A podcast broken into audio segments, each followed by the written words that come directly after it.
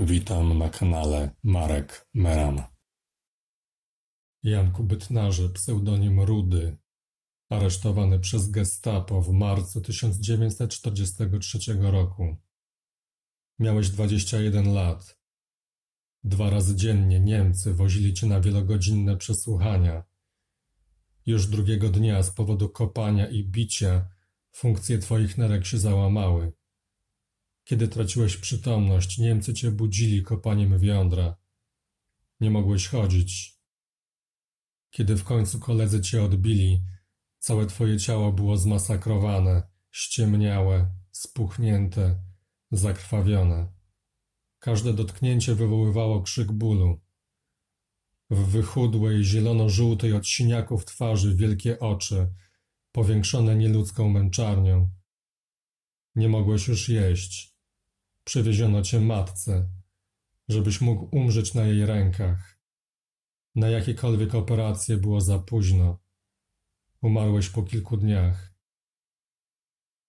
Chcieli, żebyś wydał swoich kolegów z konspiracji, z organizacji. Nie zdradziłeś nikogo.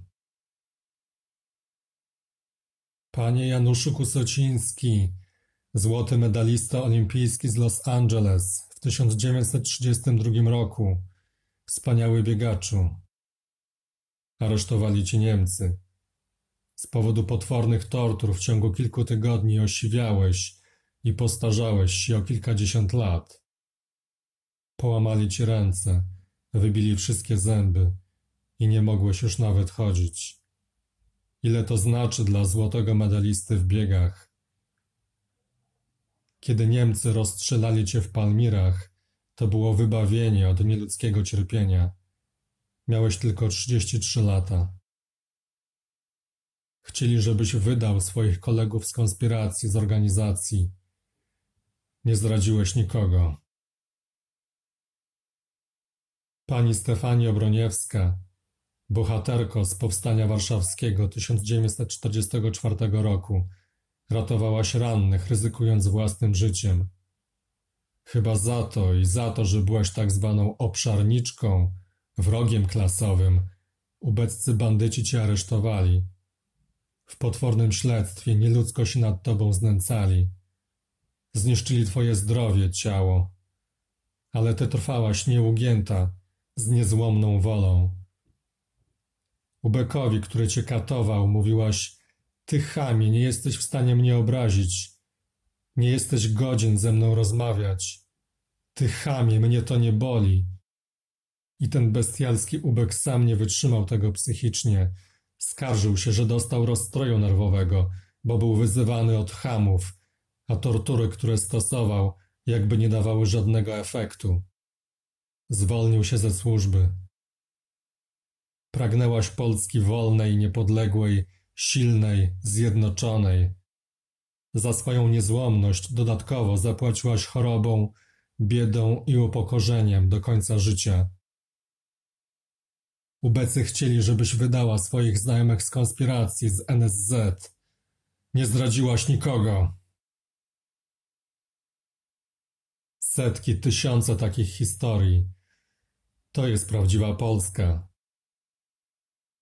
Kiedy widzę kłamiących polityków, sprzedajne szmaty i niedojdy, za każdym razem, kiedy się kłócicie, za każdym razem, kiedy sprzedajecie kraj obcym korporacjom, tajnym służbom, to jest tak, jakbyście dawali kolejnego kopa temu skatowanemu Jankowi Bytnarowi, temu drobnemu chłopakowi.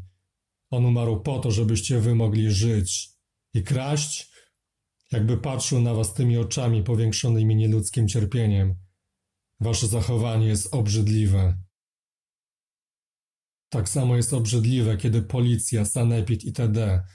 prześladują rodaków w imię nielegalnego, bzdurnego, obłąkanego widzimisię jakichś obrzydliwych osób, w imię widzimisię, które jest nazywane rozporządzeniami, prawem itd. Tak Mimo, że Sąd Najwyższy uznał je za nielegalne.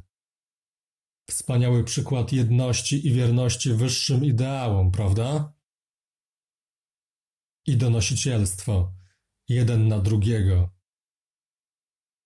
A tamci bohaterowie z czasów II wojny światowej i z czasów terroru komunistycznego?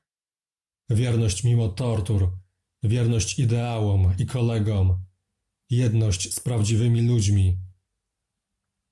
Niech będzie jedność, wreszcie, w końcu, jedność tych, z którymi warto się jednoczyć. Zjednoczeni jesteśmy niepokonani.